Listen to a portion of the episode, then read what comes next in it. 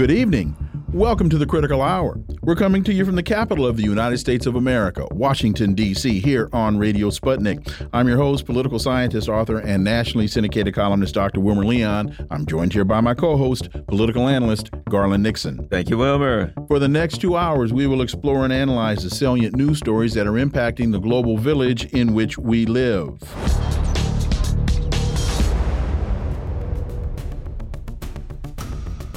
Sputnik reports Ukraine fails to achieve its goals in three months of counteroffensive, according to Secretary Shoigu. He added that Kiev is desperately trying to demonstrate at least some military success to the West to keep receiving their military and economic support. For insight into this, let's turn to our first guest. He's a Moscow based international relations and security analyst, Mark Sleboda. As always, Mark, welcome back. Dr. Leon Garland, thanks for having me. It's always an honor and a pleasure to be on the critical hour. So, Russian Defense Minister Shoigu has said in an attempt to hide the failure of the offensive, Ukrainian militants attacked civilian targets and passed them off as military victories. He also said Ukrainian troops have lost more than 66,000 military and 7,600 weapons since the beginning of the counteroffensive. Additionally, Russian air defense systems have shot down 159 HIMARS rockets over 1,000 unmanned aerial vehicles and 13 cruise missiles over the past month. Mark, what kind of validity can what can we put in the numbers that Russian Defense Minister Shoigu is citing? Well, uh, certainly in terms of the his statements that the regime has not met its goals, that is self-evident, right? Mm-hmm. The the regime, the West, loudly trumpeted the goals of this NATO proxy, NATO armed, NATO financed, NATO trained, NATO planned uh, offensive that the goal was to sever Russia's land bridge connecting the Donbass region uh, with Crimea. Um, and uh, reach the Sea of Azov uh, to put their artillery and attacks within range of Crimea. And it, all you have to do is blow up a map of uh, uh, southern Ukraine and see the uh, Russian held territory of the quote unquote land bridge, and then call up the Kiev regime's gains in this three months of you know, even the Western media has to some degree admitted the horrible losses in terms of manpower and uh, gear that have been lost. They lost 20% of the gear NATO provided in the first two weeks. We're now three months in. You'll see that the the area that the Kiev regime has taken. A little tiny highlighted area way up on top. A number of hamlets in Russia's screening zone ahead of their first of five, now six echelon defensive lines. And that's it. That they have to try to spin to sell this uh, as a success. They will have reached probably the first line of defense, and it is unlikely that they will get much further than that. Certainly, they will fail in their goals. They've spent all their reserves, they have nothing left. In terms of manpower, again, they've spent all of their reserves, the reserves that were meant to exploit breaches in Russia's defensive lines and race towards the Azov Sea. They've already used them, still trying to take a number of hamlets ahead of the first of Russia's defensive lines. And we see how desperate the Kiev regime is for manpower. Um, they have uh, calls uh, in the Kiev regime's Rada for a total mobilization. They have removed the um, restri- the um, qualifications for exemption from conscription, mental illnesses, diseases such as HIV and hepatitis. They'll now take all of those. And they are calling for European countries to uh, uh, deport back to Ukraine the uh, several hundred thousand Ukrainian men who illegally fled the country uh, as refugees to Europe since the conflict began. Uh, they're not allowed to leave the country legally, right? Because the um, Kiev regime forbid any men of military age from leaving, so they could be used as a, a meat pool for the conflict. The country has become one big concentration camp for its own people. Now the Kiev regime is demanding that its own people be deported back from European countries to service that meat grinder. With that kind of desperate need, that lends credence to the Russian Ministry Defense claims of 66,000 uh, uh, casualties, uh, and, and, I believe they're talking uh, killed in action there, not just wounded over over the course of the last three months of this failed offensive. And um, you know, we've all seen the pictures of burning leopards and Bradleys, and now for the first time, we've seen uh, a picture of a, a, confirmed picture of destroyed Challenger, the the whole 14 uh, British main battle tanks that the UK lent to to Ukraine, and already at least one of them is is up in flames, and they were with the last reserves to be thrown in. So Sergei Shoigu's statements actually look uh, extremely accurate. You know, uh, uh this is how cynical I am. Anybody with common sense knows what's happening. The Ukraine, Ukraine's going to lose. Ukraine's going to collapse at some point, et cetera, et cetera.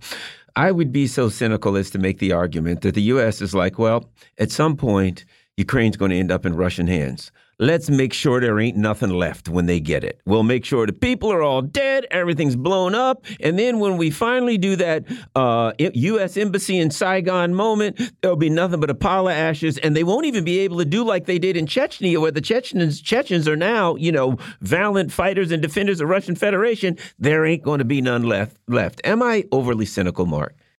No, actually, and I've I've been making this point myself since the beginning. Not just a wasteland with at least all of East Ukraine in devastation. Not only devastation, but irradiated devastation, as both the U- United Kingdom and the U.S. Uh, are now uh, supplying depleted uranium ammunition uh, to the Kiev regime, and the damage that causes both to future generations in terms of genetic damage and damage to the environment is well severe and and largely irreversible. Uh, but I, I, will one up you in cynicism. the West is perfectly happy. In fact, they want to see as many dead Ukrainians as possible. Understanding that either directly or indirectly, Russia will have to govern large parts of Ukraine where the conflict is taking place.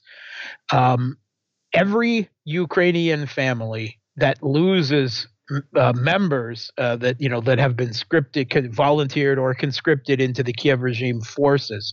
Whatever they thought of Russia before the conflict, and and you know the Kiev regime has a serious problem with large numbers of its own people uh, who uh, either didn't support the regime or or actually supported Russia. Um, that is a family who now uh, will hate Russia moving forward, right? Uh, it will be very, very hard for Russia to win hearts and minds with the casualty numbers that are being racked up as a result of the Kiev regime's often suicidal uh, human wave uh, tactics. And they, they, I think that they view this as as not only uh, making it hard for Russia to govern Ukraine or parts of Ukraine into the future, not just in terms of, of economic material devastation, but in terms of aggrieved families and population. Looking at how this has unfolded and how surgical and somewhat reserved Russia has been relative uh, to their military advances and how pretty smart they are, could it be that they understand that this is the United States objective, and so they're gonna they're not gonna take it. They're gonna let they're gonna let whatever remain the rump state that ever remains of Ukraine, United States, you wanted to fund this, you keep funding it. We're dropping back. We're going back to the to the uh, to the regions, to the Donbass. We we wanted that. We're take we're keeping that. The rest of this is on you. You you you dry up your coffers funding this foolishness since you started the fight in the first place. Well, I mean, this conflict is going to end with the partition of Ukraine. It mm-hmm. just depends on what lines that partition is.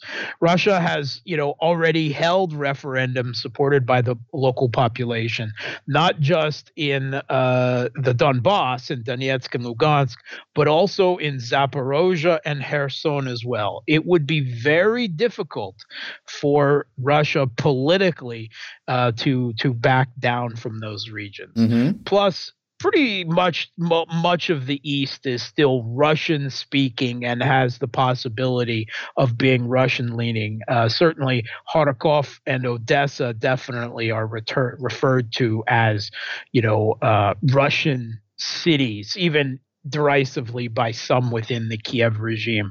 In terms of strategic sense, I would say that Russia uh, probably at least wants to set the Dnieper River as a future boundary, as a new Berlin Wall, at the very least. Mm-hmm. Uh, so I think that Russia will still try to liberate all of East Ukraine at a minimum. Uh, interesting uh, things going on now with uh, with uh, North Korea. There was a report that Russia, China, and North Korea are going to hold trilateral war games. Um, your thoughts on and now and you know we've hear we're hearing, hey, Vladimir Putin's going to meet with the leader of North Korea, and then the Kremlin's like, yeah, well, you know, really going to come. We're not going to say we are, but what's happening, Mark? What do we need to know? Yeah, I think for years Russia and China kind of kept North Korea at arm's length, uh, m- mostly out of a desire to separate themselves, uh, you know, uh, politically from what the U.S. Uh, had identified long time as one of its members of the axis of at least the original axis of evil. There have been several iterations of it since, and I think Russia and China are both on it now, regardless.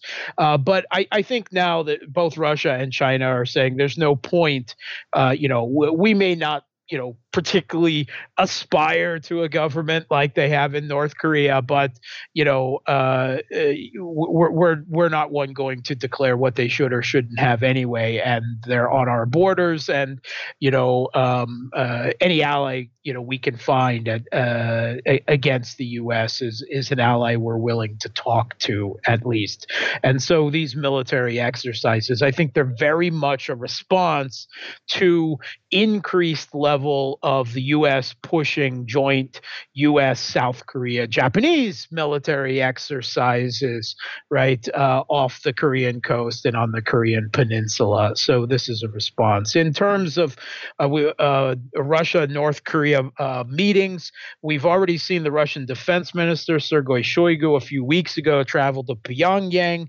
Now there are reports. I think they are credible that Putin is going to meet Kim Jong Un personally, probably uh, in Vladivostok in East Russia uh, on September 10th through the 13th. Putin will be there for an Eastern Economic Forum. It would not be hard for Kim Jong Un to take an armored train the way he usually travels there. And I think on the issue will be uh, bilateral military relations, military supplies going both ways. Since the U.S. has drawn on South Korea, which has now supplied hundreds of thousands of artillery shells and large amounts of military gear, at least to Poland and other NATO members for the conflict in Ukraine. Russia says, well, then quid pro quo, we perf- feel perfectly fine to draw on North Korea as well. And North Korea's industry is capable of supplying artillery shells, rockets for older model rocket systems uh, that can greatly benefit, uh, you know, Russia's own supply chain in response. And as a reply to South Korea for getting involved, um, it is very likely that Russia may transfer some military technology, such as missile, increased missile capability, uh, air defense, electronic warfare, you know, and that will be their punishment uh, for getting involved in a conflict that Russia feels they have uh, no business being involved in, even at the procurement level. I think that this is not admitted to, it is not spoken, but I think uh, I agree with the Western media in this particular case that that is the likely outcome of these talks. All gloves are off, right? At least in terms of procurement, if not boots on the ground. This is becoming a global contract uh, conflict as both NATO and Russia are now turning global partners to help supply uh, military uh, requirements for the conflict. Mark Sleboda, as always, thank you so much for your time. Greatly, greatly appreciate that analysis. We look forward to having you back. Thanks for having me. Folks, you're listening to the Critical Hour on Radio Sputnik. I'm Wilmer Leon. I'm joined here by my co host, Garland Nixon.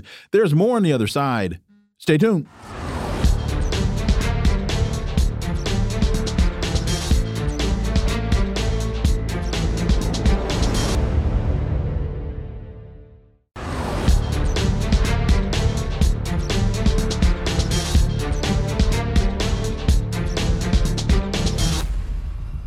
We are back, and you're listening to the Critical Hour on Radio Sputnik. I'm Wilmer Leon, joined here by my co host, Garland Nixon. Thank you, Wilmer. There's a very interesting piece in Brave New Europe entitled 21st Century Socialism What It Will Become and Why. The real left is not the caricature crafted by the U.S. right.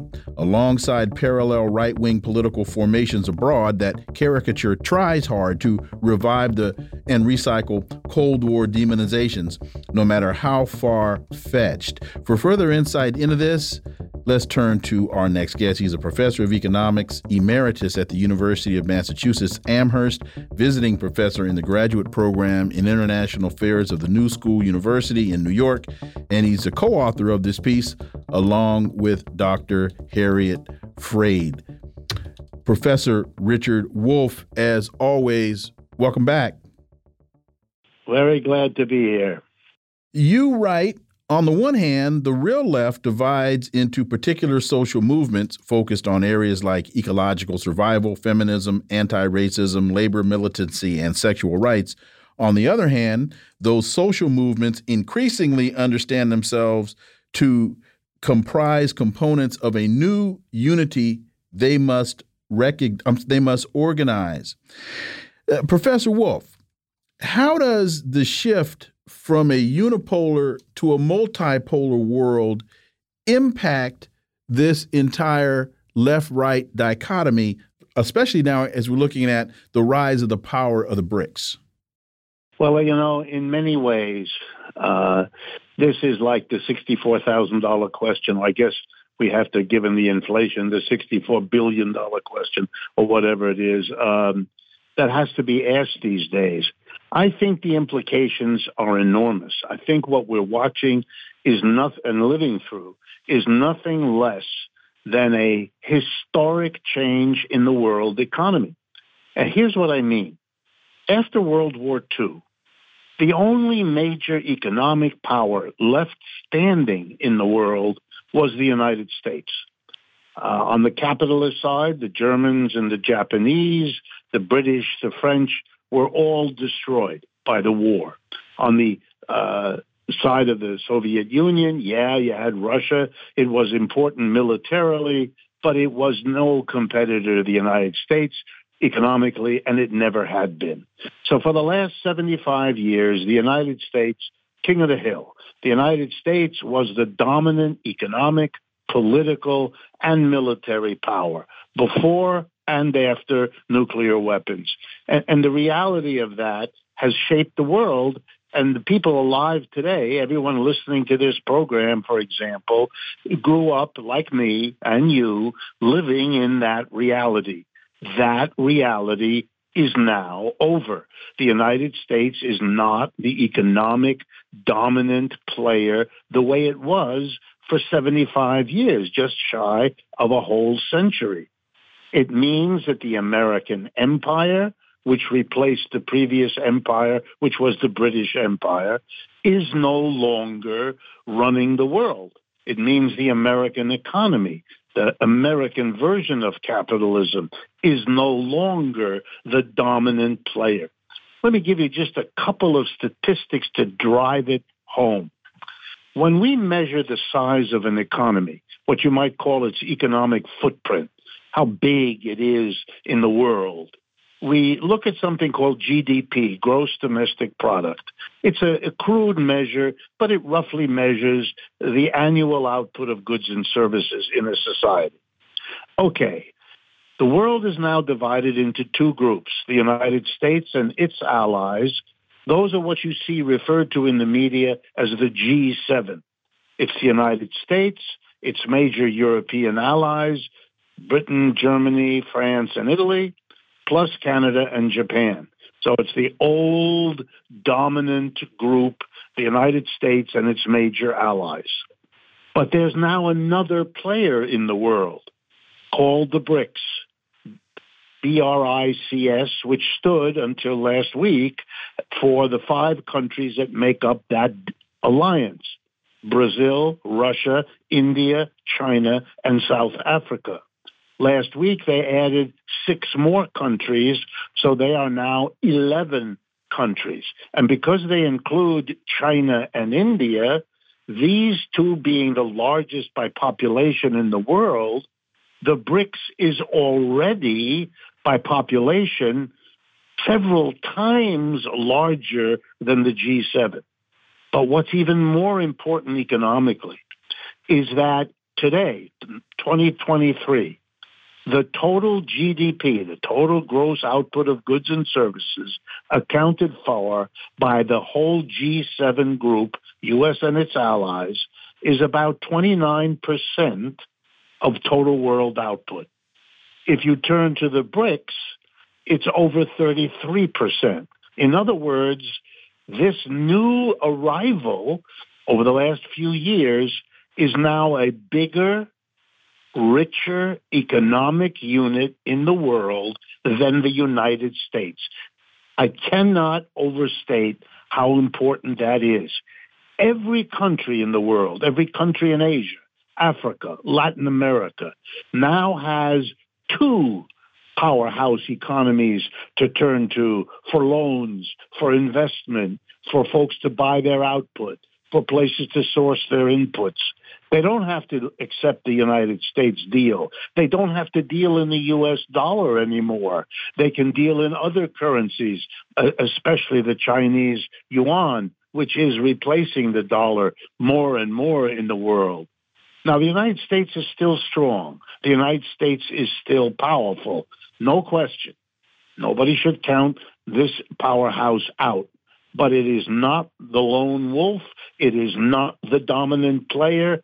And most American politicians dare not speak honestly to the American people about that for fear that they will be the messenger that everybody gets angry at rather than thinking about what it is that the message uh, that that person is bringing. So the politicians don't dare talk about it.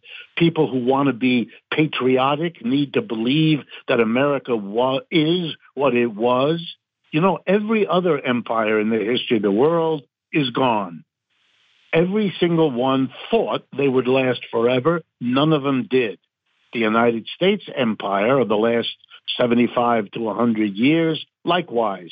It's had a big run, a long century, been very powerful. That is over. And what that means is in every place in the world where you have that no longer popular to talk about, but real struggle between bosses and workers, between capital and labor, the class struggle, that's now happening all over the world. It's happening in different ways in Canada compared to Nigeria. But that struggle is now global. It means that the old socialist slogan, workers of the world unite, you have nothing to lose but your chains. The concept of workers of the world finally being something that really is global, is truer today than ever before. The same major corporations that dominate in the West also do it increasingly in the BRICS.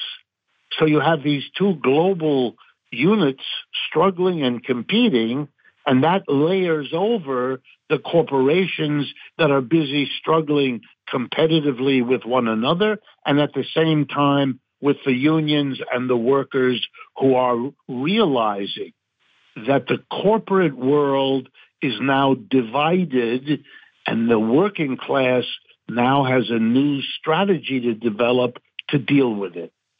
The other thing I, I, I, would like to ask you about is the big issue the U.S. has is TINA. There is no alternative. Neoliberal capitalism, blah, blah, blah. Socialism doesn't work under any circumstances. And I think one of the things that's infuriating them and making things dangerous is that in that capitalism has evolved, or one might argue devolved into neoliberal capitalism, China has found a way to evolve socialism into something that is very, very effective. And that is not making the capitalist happy, Dr. Wolff.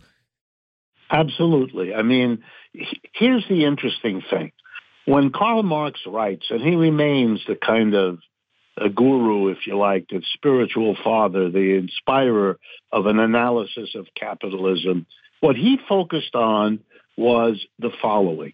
The capitalist capitalist system is when you organize production, whether it's in a factory, an office, or a store, in terms of a small group of people who we call the employer and a large group of people whom we call the employee. That way of organizing production in which the employer hires the employee enters into a bargain. You come and work eight hours a day for five days, and at the end of the week, I give you a check with money.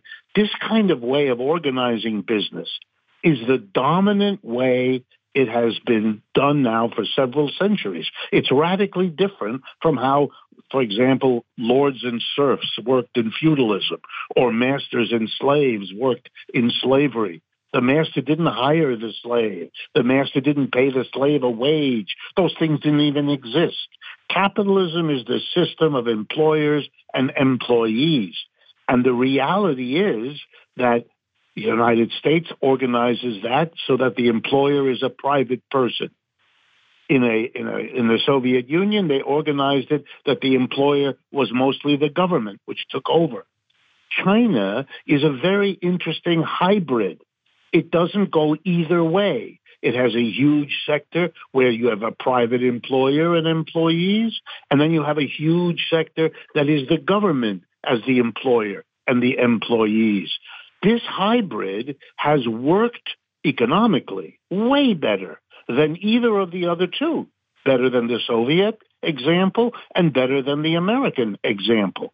They have figured out, and the rest of the world is watching, you can be sure, with a keen eye.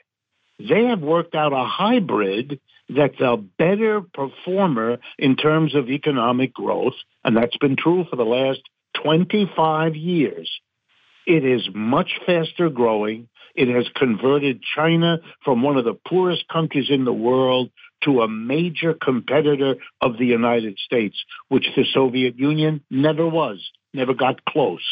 Uh, let me give you, uh, again, a simple statistic. The GDP, the gross domestic product of Russia last year was $1.5 trillion. The GDP of the United States last year $22 trillion. They're not in the same league. Russia never was in the same economic league. But where is China? China has $18 trillion of GDP, way larger than Russia, having arrived at it in a small fraction of the number of years it took Russia to get to its place, and a small fraction of where the United States at the time it took to get so they are the growth mm-hmm. miracle mm-hmm. of the modern age, the People's Republic of China.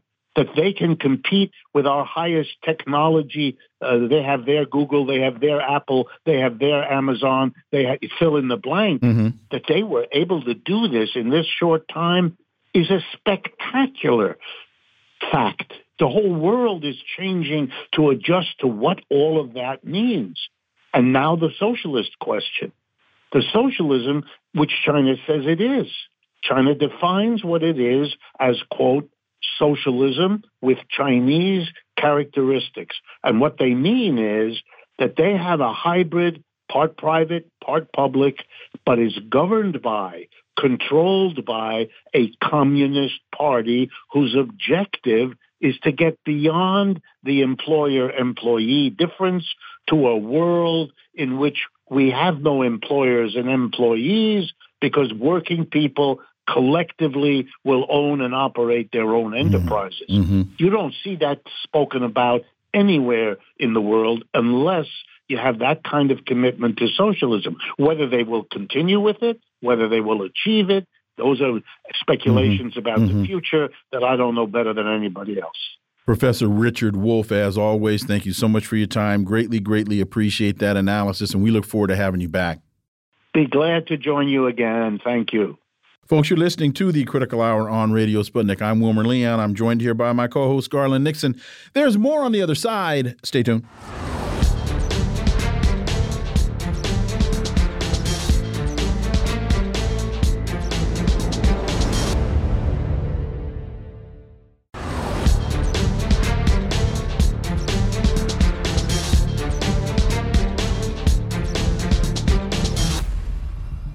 We are back, and you're listening to the Critical Hour on Radio Sputnik. I'm Wilmer Leon, joined here by my co host, Garland Nixon. Thank you, Wilmer. AP reports Gabon's military leader is sworn in as head of state after ousting the president last week.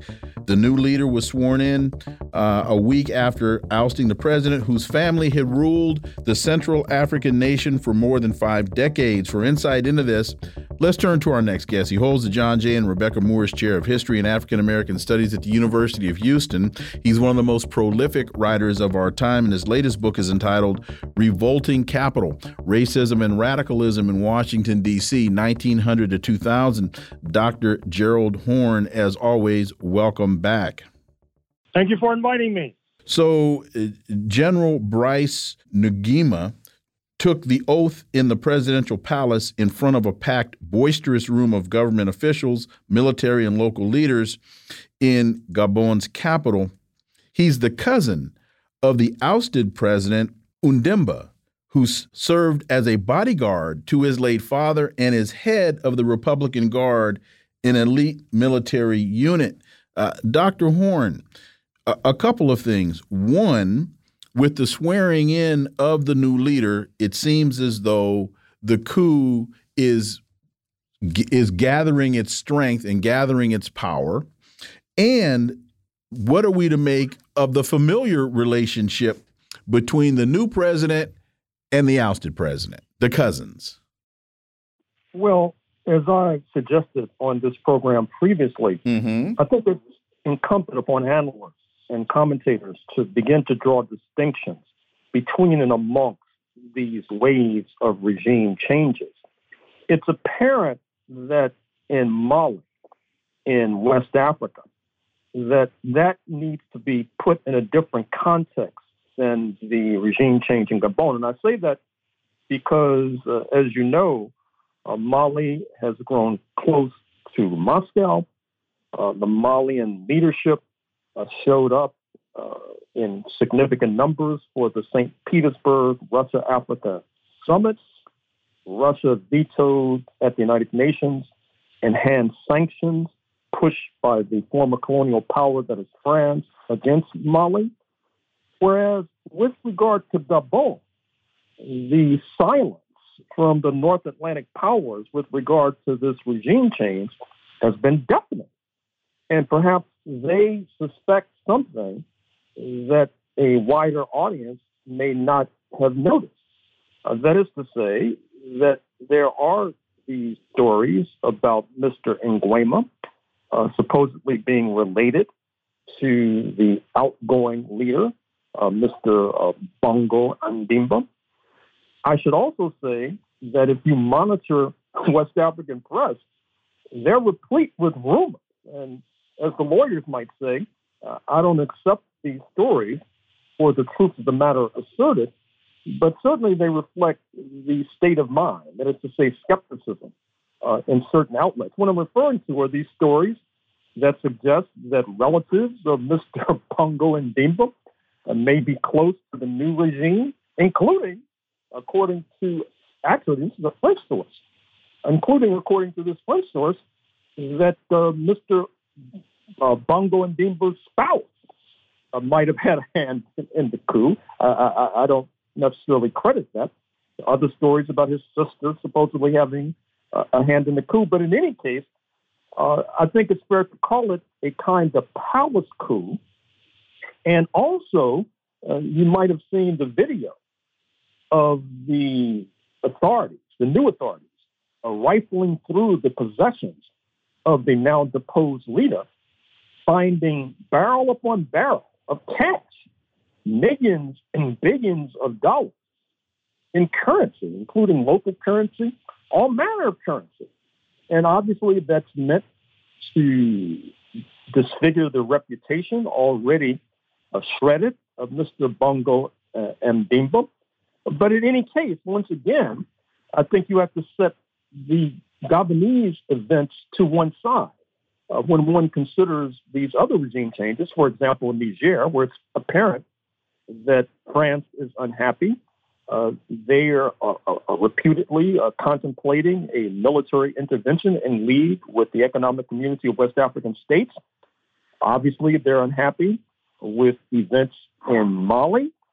And I think to step back for a moment, what we have to realize is that we can expect more of this kind of turmoil in Africa in particular, because the status quo is not sustainable. The status quo being various autocracies backed by the North Atlantic countries as the North Atlantic countries plunder and pillage these nations of their resources, be it uranium in Niger or oil in Gabon, and that with the rise of the BRICS plus six, speaking of Brazil, Russia, India, China, South Africa, plus the newly installed uh, six members you have an alternative to the North Atlantic hegemony.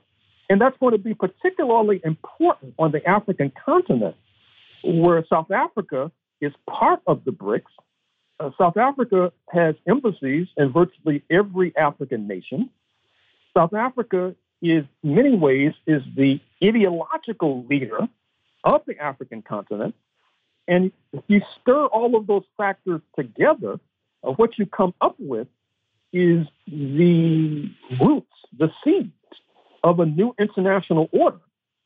And you're beginning to get a glimpse of that new order uh, with regard to what's going on in formerly French West Africa.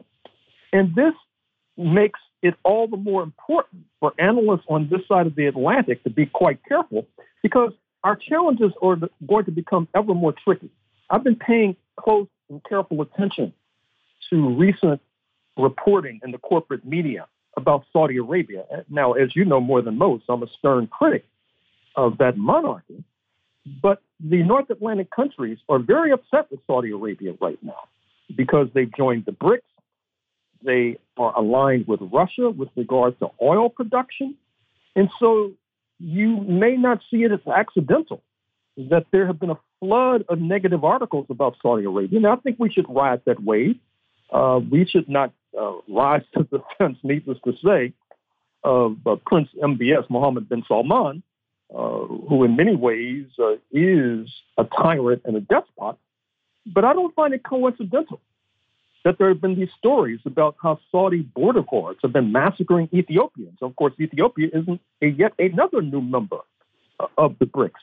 So once again, we're going to be entering a new stage which is going to make it more incumbent than ever for us to keep a steady and firm hand on the events of the day.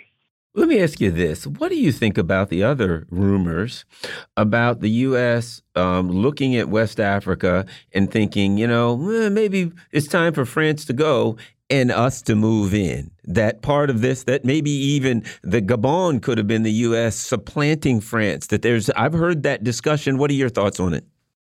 As you know, I, have suggested as much myself, and I, uh, as, and just to give a little history, uh, I could go uh, earlier, but let's start in 1956 with the French, British, Israeli uh, piratical attack on Nasser's Egypt over control of the Suez Canal. Uh, the United States uh, called out that, that attack, leading France to draw the conclusion that it had to move away from Uncle Sam. We've talked about how when Senator Joseph, excuse me, Senator John F. Kennedy, then seeking to run for president of the United States in 1960, began to condemn French imperialism in Algeria. That misled some to think that he was an anti imperialist, but actually, he was trying to elbow aside uh, French interests in North Africa on behalf of U.S. interests. And there has been this de facto agreement between Washington and Paris that if Paris could keep the lid on, Washington would accede to this neo-colonial empire in Africa.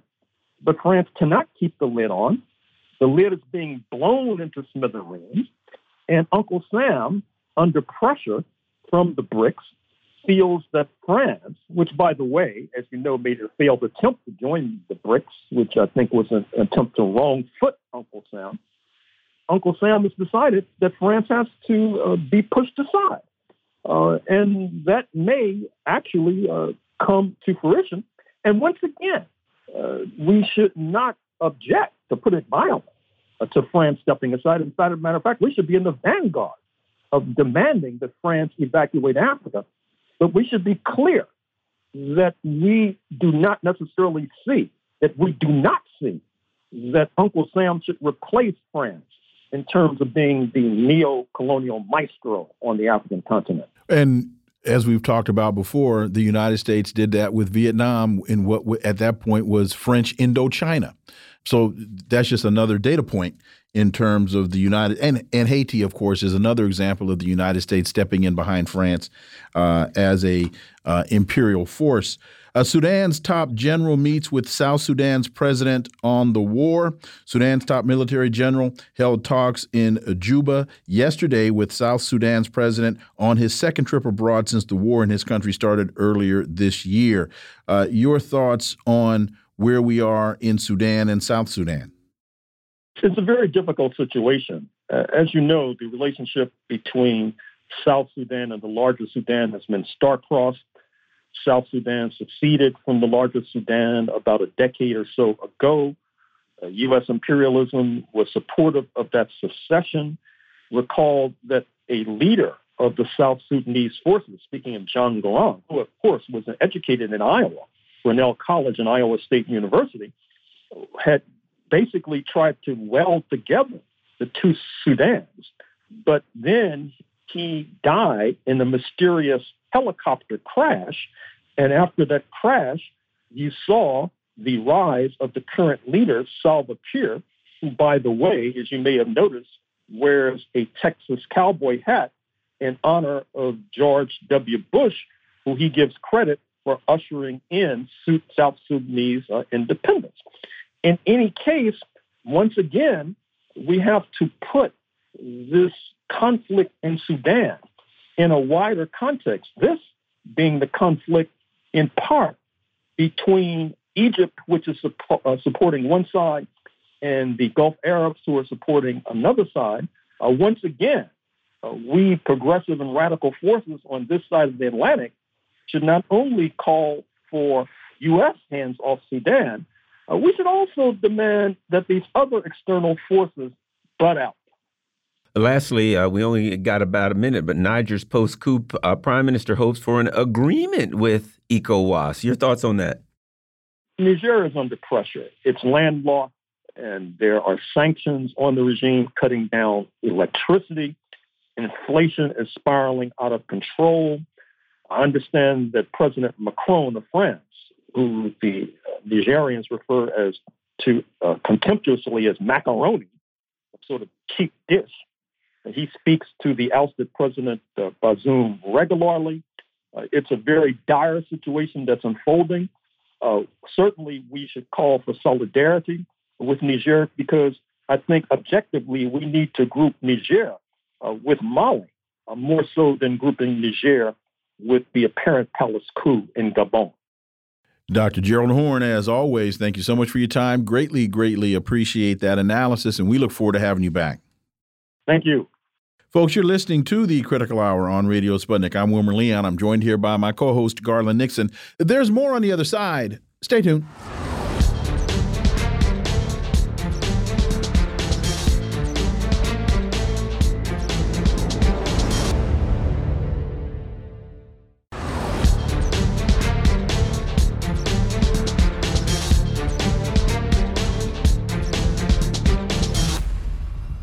We are back, and you're listening to the Critical Hour on Radio Sputnik. I'm Wilmer Leon, joined here by my co host, Garland Nixon. Thank you, Wilmer.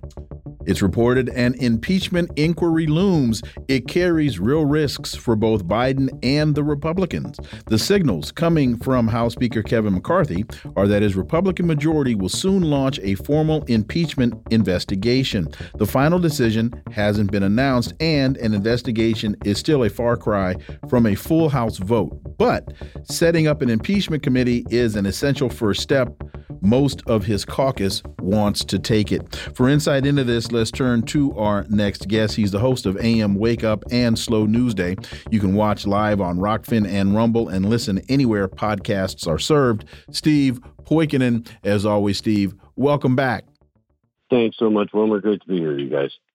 So all of this in in the context of Vanity Fair has an article, Marjorie Taylor Greene, impeach Biden now or I'll shut down the government. She says she's drawn a line in the sand uh, through her ally. Uh, McCarthy is, although he's trying to rally the conference around a short term funding measure, she is trying to hold the government and the country hostage via this impeachment process. So I bring that up just to say Kevin McCarthy finds himself between a rock and a rock. That's not comparison. Hey, well, here's the here's the thing: the Bidens have gone to so much trouble to try to convince everyone that they're not a criminal crime family that we've been able to witness firsthand just how much of a criminal crime family they are. And so you can't you can't escape that. Now, the political consequences the, this is what this is what's crazy to me that you can see firsthand just how spineless and uh, how much of a political windsock Kevin McCarthy is as the Speaker of the House. Because at no point do you see him going, okay, look, it's clear that there were crimes committed, that there was influence peddling, that an election could have been could have easily gone the other way had the FBI not stepped in and interfered with the election. So this is of course the right thing to do.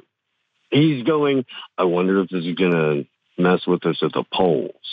So it, he's doing himself an incredible disservice in general by not marching forward full throated with this.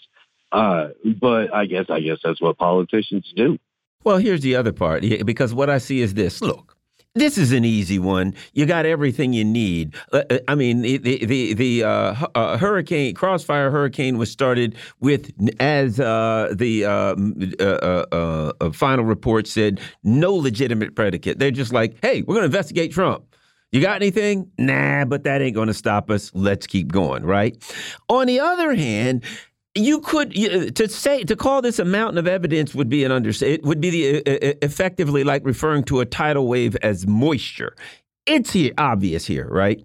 And you got the Republicans sticking their toes in the one. Well, you think we should go a little bit further. And here's what I think: they're afraid because they know that on the other end of this investigation, it points to the FBI, it points to the intelligence community, it points to an intelligence operation going on. That Hunter Biden was involved in intelligence operations. That crooked money and everything here is involved in the intelligence people, and they were afraid to touch that, and the Republicans don't want to. And, and, and let me add one other thing. And it shows that Ukraine is all about corruption and money laundering from front to back. They don't want to touch that, Steve, because they're involved in it too. Yeah, everywhere. It's it's it's ubiquitous in D.C.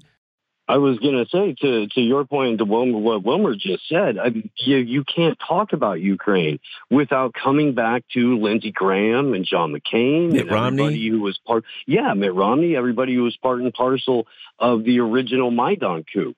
So the the I guess in that case, the political ramifications for the Republican Party are, are on the line there. But this really should be a no-brainer eh, politically to go after Joe Biden and Hunter Biden uh, and, and, make that the election season political circus. I do agree that you know the more you get into it, the more you realize that the GOP is in over their heads on this one. But that's never stopped them from pulling a political stunt in an election year. So, what is Marjorie Taylor Greene doing? Is she just reading every other email? Is she is she not paying attention? Uh, is she not getting the message that Marjorie this there are there are tactic. This is a this is a situation where we have talked about the Democrats play it in very similar ways. For example, with the abortion issue, it's more valuable to them as an issue than it is as a problem solved. I, I think with, with Marjorie Taylor Greene, this, in her opinion, vindicates Trump and it helps justify making sure that he's on the ballot. Uh, there's a number of people that are a part of that whole MAGA universe that are looking at absolutely every aspect of what's going on with Joe and Hunter and the rest of the family, the brother, I can't remember his name off the top of my head, um, but they're all crooks and they're all pointing to this as, look, you impeached Donald Trump and have gone on a witch hunt of indictment after indictment, regardless of whether or not you guys believe that. That's your talking point. So this just vindicates and this shows the world that Donald Trump was right in the looking into Ukraine and the phone call and the not a whistleblower, whistleblower, and all that stuff was more evidence of the Biden criminal crime family. So I think that's the the track that she's taking on that. Well, I think let's face it, what they impeached Donald Trump for. Donald Trump, uh, one of the impeachments of Donald Trump, he said, "Hey, you need to look into Ukraine because Biden and his, the Bidens are up to no good." Uh, I don't think there's anything that could vindicate Donald Trump in that um, uh, uh, impeachment any more than even an investigation. The evidence is overwhelming that the Bidens were up to no good. But again, when Hunter Biden was on the board of Burisma, so was the former prime minister of Poland. So was Cofer Black, former head of counterintelligence for CIA.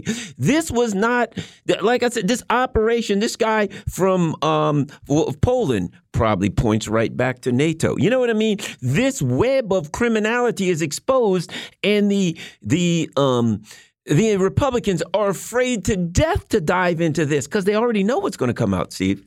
Paul Pelosi Jr. was involved in that too. yes, he was. Why Yes, he he was. The, I mean, the yeah, the whole thing is just a giant gift to the scions of legacy politicians. And, and that's how influence peddling works now. You get the kids involved. It was bring your kid to work day. Everybody remember that, right? on, on Air Force Two. Yeah, on Air Force Two, you bring your you bring your son, your daughter to work. You introduce them to everybody, and then you take off on the plane, and you leave the kids, and they go, "Well, hey, if you want to talk to my dad, uh, I'm going to need ten million dollars wired to this account." Biden's use of false names could cost him.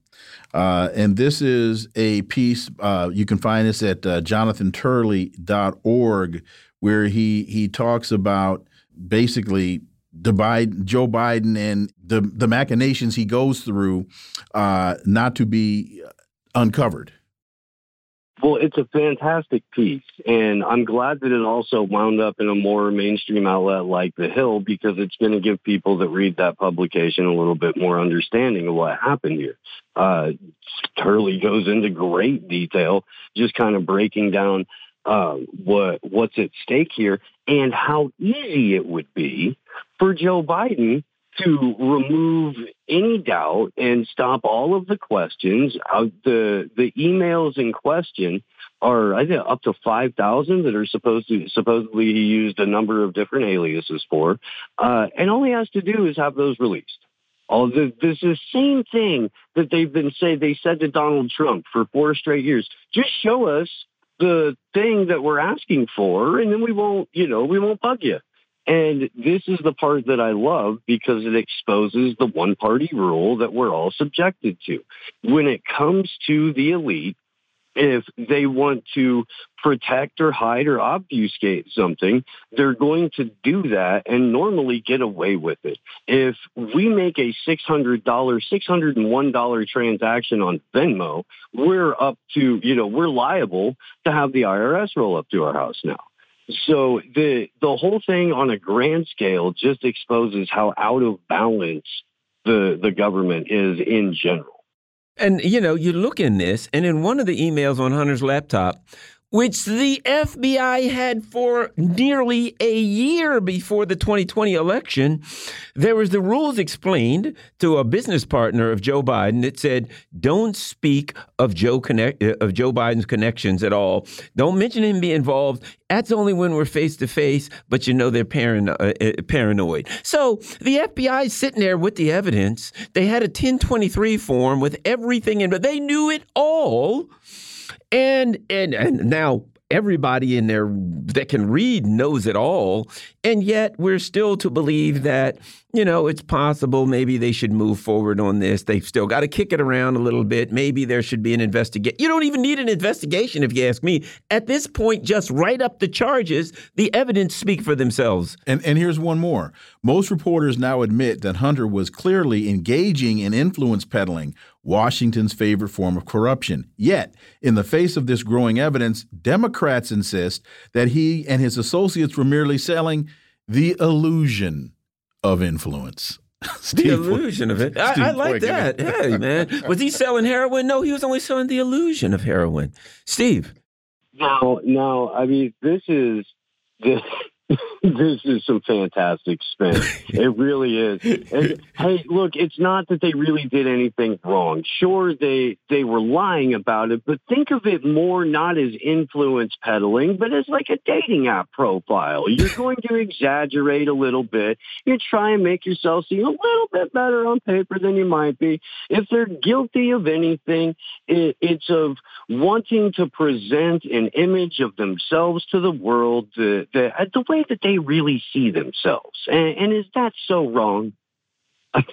it's ridiculous. Steve, they weren't lying. They were just intentionally not telling you the truth. Yeah, who was it? Uh, what was it? James Clapper who said that's the least untruthful thing I could have said in front of Congress. The least untruthful. thing. well, uh, it, it, so it was still untruthful, but that's the bottom line they and literally there some of these um, some of these uh, emails went between Biden and other government officials. To me, at that point, it's game over. Just it's they're government related.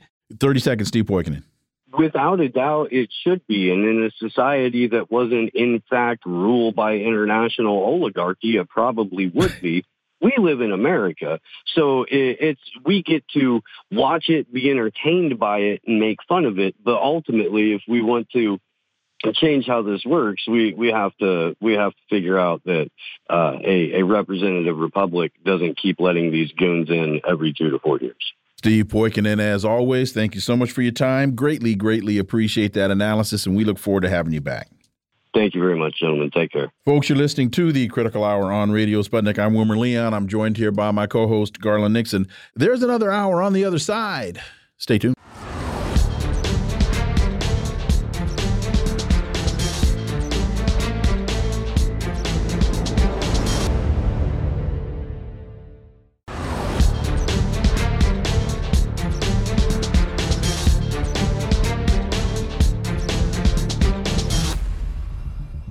We are back, and you're listening to the Critical Hour on Radio Sputnik. I'm Wilmer Leon, joined here by my co host, Garland Nixon. Thank you, Wilmer. Al Mayadeen English reports SDF enters Al Hawayj east of Deir ez-Zor clashes with tribal fighters.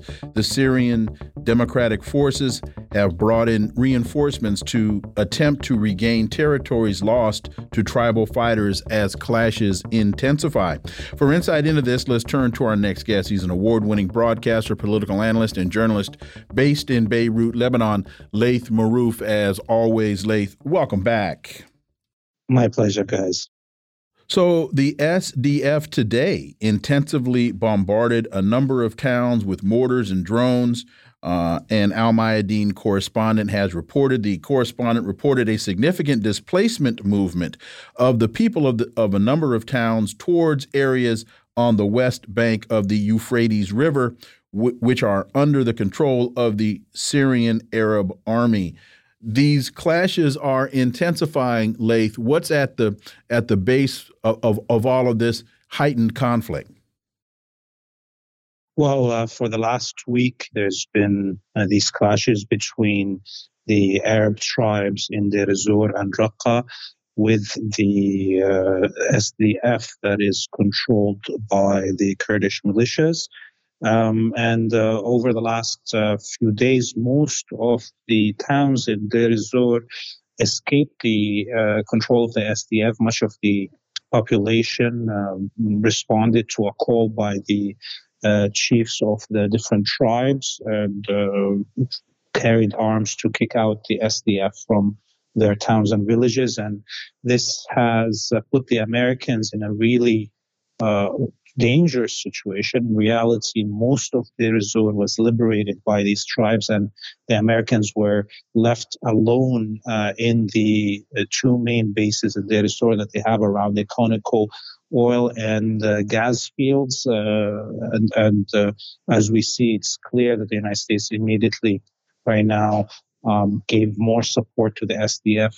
Uh, and, and, but but one thing that everybody must understand is that actually these uh, tribal forces were part of the SDF, um, but the majority of these Arab uh, Syrians, a part of uh, you know presidents of the ez have felt that the Kurdish militias were um, you know controlling them and uh, stealing much of the resources of their region, um, and such uh, they revolted. And now, as we see, they are uh, you know, in this conflict that uh, the United States occupation forces are going to be affected uh, because of these multiple militias that they work with are killing each other. In fact, that was my next question. Where is the United States money and munitions equipment in in this fight? Where who's right at least for the moment, uh, who's the United States putting its money on? Well, it's clear that the United States is still putting its money on the Kurdish militias. And I think this is for one reason because they know that the Kurdish militias uh, will fight to the last man for the occupation to continue because these are militias that are not indigenous to Syria. Majority of the members of the Kurdish uh, SDF militias are Turkish citizens that are occupying Syrian lands and therefore, these are a militia that has no way out but to do anything that the United States demands them to do. On the other hand, the Arab tribal uh, forces that are part of the SDF that have just did this revolt, uh, you know, have another option. They are the people of the land. They are going to stay on their land, and they uh, could uh, be. It would be beneficial to them, of course, to uh, switch sides to the uh, uh, side of the American, uh, sorry, the Syrian military, and that's what the United States cannot uh, allow to happen. So I think the United States is again um, using the desperation um, of the Kurdish uh, militias to wreak havoc on on the land and its people. The Arab tribes that are fighting with the with the SDF um, are they loyal to the government? Are they independent? What is what do we need to know about those particular tribes? Well, there is clearly multiple currents within these tribes, uh, but uh, a few of them, the major ones that are right now fighting with the SDF, were um, actually part of the SDF. So they had joined the American coalition. If we read right now the statements of these two tribes that uh, are fighting the SDF, um, they all try to appease the Americans in their in their statements, uh, and uh, that's another indication that they are not on the side of the Syrian military. But these are just two tribes of uh, around uh, you know 15, 16 big tribes in Deir ez-Zor, and the majority of the tribes in Deir ez-Zor have refused services uh, in the SDF, and uh, you know the majority of population of these tribes have moved to the western uh, bank of uh, the Euphrates, where the government uh, is in control. Two stories that we'll put together, both from Al Mayadeen English after Al Mangush Cohen meeting Libya to amend normalization law. After the scandal of the meeting that brought together the former Libyan foreign minister of the government of Abdul uh, Najal al Mangush, and the Israeli foreign minister of foreign affairs, uh, Eli Cohen, the Libyan parliament decided to amend the law criminalizing normalization with Israel. That story, along with Israel opens embassy in Bahrain after three years of normalization. Laith Marouf. Yeah, I mean, here's two stories uh, that uh, you know kind of contradict the, each other. Uh, on the one hand, we saw what happened with the foreign minister of uh, Libya once the Israelis uh, leaked the fact that they met uh, with her trying to push for normalization she ended up having to pack up and run away to London, and uh, the prime minister of Libya had to uh, make a, a, press conference and a speech to the nation where he pushed, as we're seeing right now, to make it even more criminalized. Uh, the normalization with Israel. You know, there's laws that are still on the book from the times of uh, General Gaddafi um, as a president that make it uh, that is uh, 15 years jail time for normalization. Now they want to make it 25 years for normalization. So here is a regime that is a, uh, client of the United States, uh, militias that came into power at the back of NATO's uh, air force. that are scared of their own people and I am personally think that even this uh, prime minister of Libya, current prime minister, is definitely behind the scene, but he's having to uh, make such uh, promises to, uh, you know, punish normalization even more so. And on the other hand, Bahrain, who three years ago was part of the Trump uh, uh, Abraham Accords, finally is opening an embassy for the Israelis in Bahrain. And again, that shows you how slow things are with normalization, um, but uh, it shows you also how much of a dictatorship the uh, regime in Bahrain and how it doesn't care at all about its people. And, and the people in Bahrain have been demonstrating for the last uh, 13 years. It's the longest uh, um, kind of civil disobedience um, um, activities uh, in, the, in the world uh, for the last uh, 13 years, as I said and some, you know, many uh, of the prisoners are on hunger strike in Bahrain, um, and they're being uh, abused. And this is, uh, you know, shows you both sides of how normalization is working out in the Arabic world, or truly not working out, actually. Let me ask you this: in light of um, the various um, uh, coups and things going on in Africa. Do you think there is, is is there a big discussion about that in the Middle East, and is there any fear or concern um, amongst some of the leaders or rulers, ruling families, et cetera, in the Middle East that that kind of activity could spread if they go too far against the public opinion?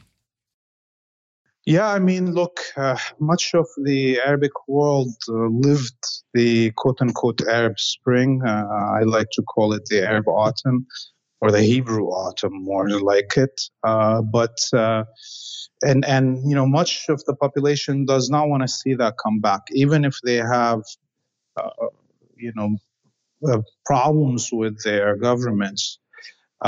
clearly, Libya is a different story. I want to just point out actually that this all these revolutions in in Central Africa and the Sahel region uh, are a great uh, boom for Palestine actually, because much of these governments in Chad, Niger, uh, Mali, uh, and Burkina Faso before these revolutions were uh, already um, building relations with the Zionists, and they were all, uh, you know, tools of the French.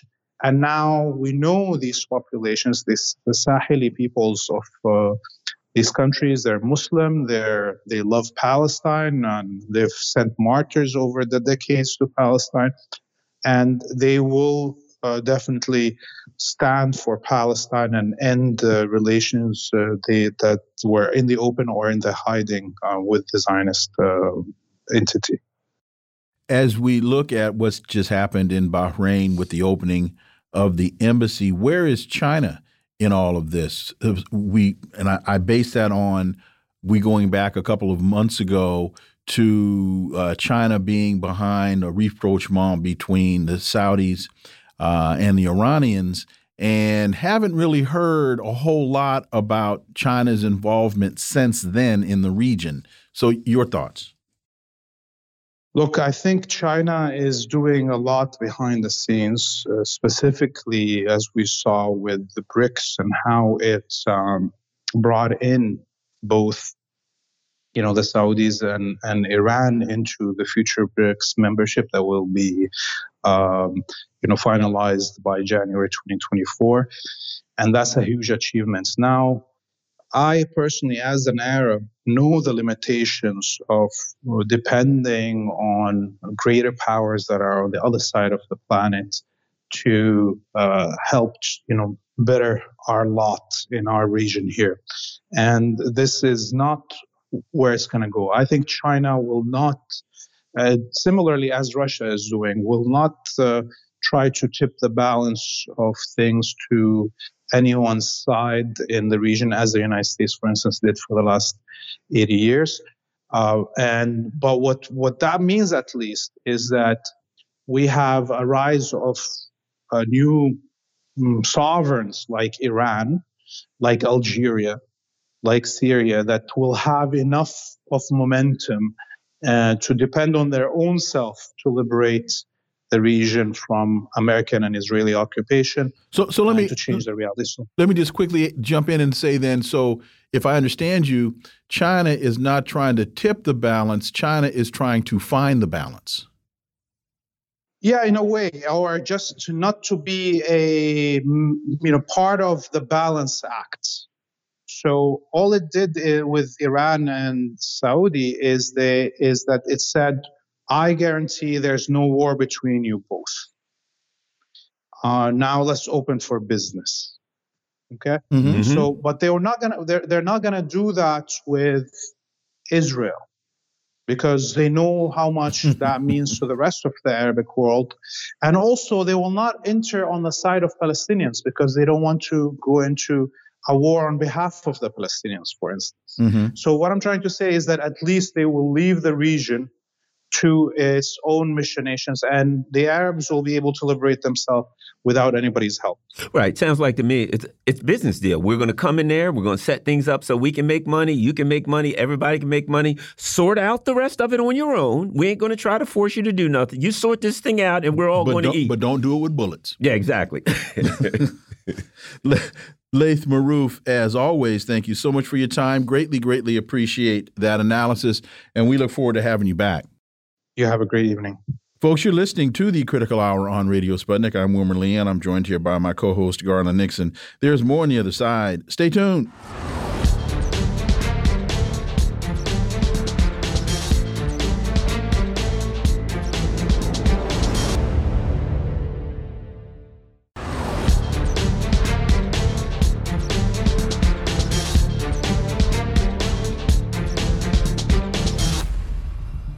We are back, and you're listening to the Critical Hour on Radio Sputnik. I'm Wilmer Leon, joined here by my co host, Garland Nixon. Thank you, Wilmer. There's a really interesting piece by George Koo in Asia Times entitled U.S. Commerce Secretary's China Visit Overshadowed. In contrast, word on Huawei's new smartphone spread like wildfire on China's social media.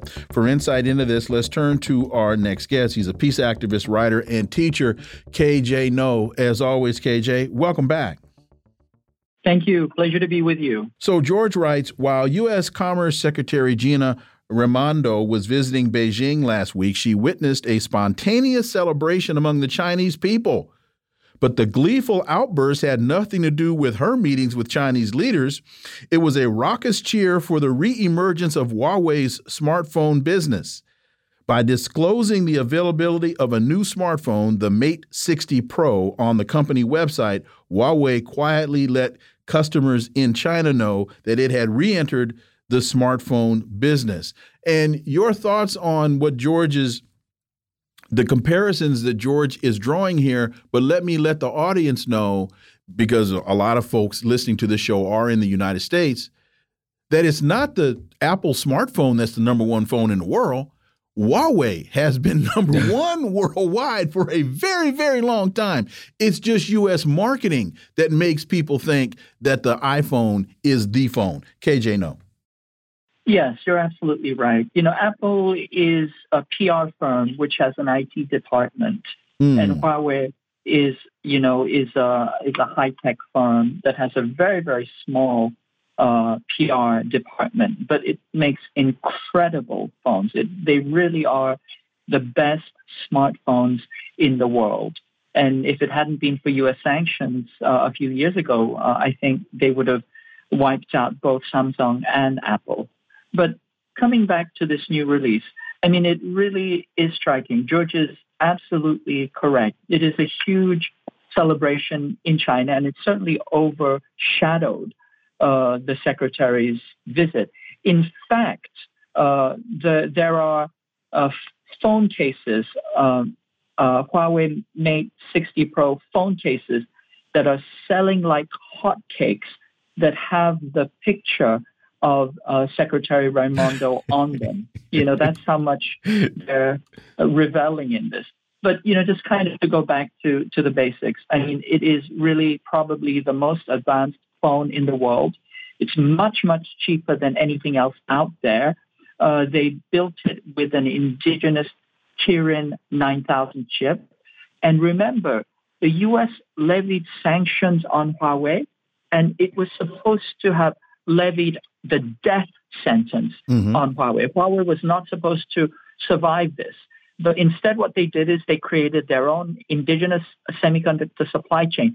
Not only did they do that, but they not only are they building their own chips, but they built their own operating system because they were banned from the operating uh, mm-hmm. Android operating system. They built their own enterprise uh, management software mm-hmm. because they were banned from that, and uh, they, you know, they they had their you know core telecom business stripped away from them. Uh, they continued to rebuild that. They had their CFO kidnapped for three years. And all of this was supposed to signal the death of Huawei, which was really the kind of flagship technology company of China. And Huawei simply broke through uh, this, uh, these sanctions. And it simply goes to show that sanctions don't work and that the United States is foolishly picking unnecessary fights and losing this, losing them. And this will have ripple effects on all of the tech sector. I mean, it simply means that it's possibly to completely design without U.S. technology. And that is a major blow, as the Washington Post points out. It's a major blow to all of Huawei's former technology suppliers as well as competitors. And you know we've seen we've seen this movie over and over. The U.S. sanctions Russia and says you can't do this or that, or you can't buy this or that. And Russia grows their own. Said, okay, we'll grow our own food. Okay, we'll build our own indigenous stuff. We'll do this. That when they sanction people, they get a short term satisfaction where they smile and say, look what we can do, and then it rebounds and comes back and hits them in the head because they force the country to reach down into their um, uh, uh, you know innate abilities and to do something that they wouldn't have ordinarily have done, China can actually look at the U.S. and say, thanks for those sanctions. Had you not done that, we would not have done this. And now they can advance this and sell this stuff to countries that the U.S. are. Um, uh, uh, sanctioning. If I got a country in Africa and I say, you know, I want to start making smartphones and, you know, maybe I'll try to start doing that, I'm going to call China and work with Huawei. I'm certainly not going to use any of the um, software or hardware from the U.S. because I know they're going to sanction me out of business as soon as they get mad. And another thing, well, two things. One, necessity is the mother of invention. And here's another hook. As China is looking for labor forces, mm -hmm. as African countries are looking to bring uh, manufacturing to their to their borders. China can say, we can make our phone in Namibia. We can make our phone in Gabon. We can make they can make their phone in a whole lot of places to help a country develop its economy.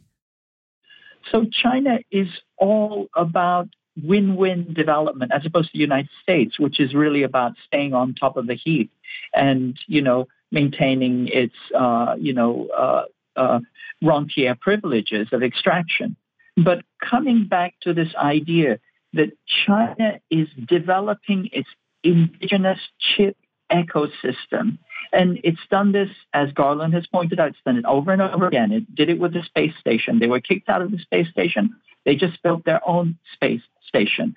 Uh, everybody expected China to fail. And every time they make that bet, they are wrong because China has this extraordinary capacity to develop, to do research, to educate. And so uh, over the long term, uh, the U.S. is really going to lose out, especially those immediate suppliers to Huawei, those chip manufacturers. Now they no longer have a Huawei's market. Uh, and as a result of that, they will no longer have capital with which to do R&D. And therefore, they will fall back. And in the meantime, China is preparing to leap ahead. Right now, they're preparing photonic chips. These are chips that use light instead of electricity. And that will be yet another generation of you know technological breakthroughs. So this is completely misguided. It's you know this notion that uh, the U.S. can is at the top of the heap and that China is you know some kind of you know um, you know lightweight pretender. It's a complete misreading of both science, technology, and the current moment. Two things. One, to, to your point, a couple of years ago, we, we reported on, on a story that China had developed the ability to communicate with its uh, moon probes from the dark side of the moon.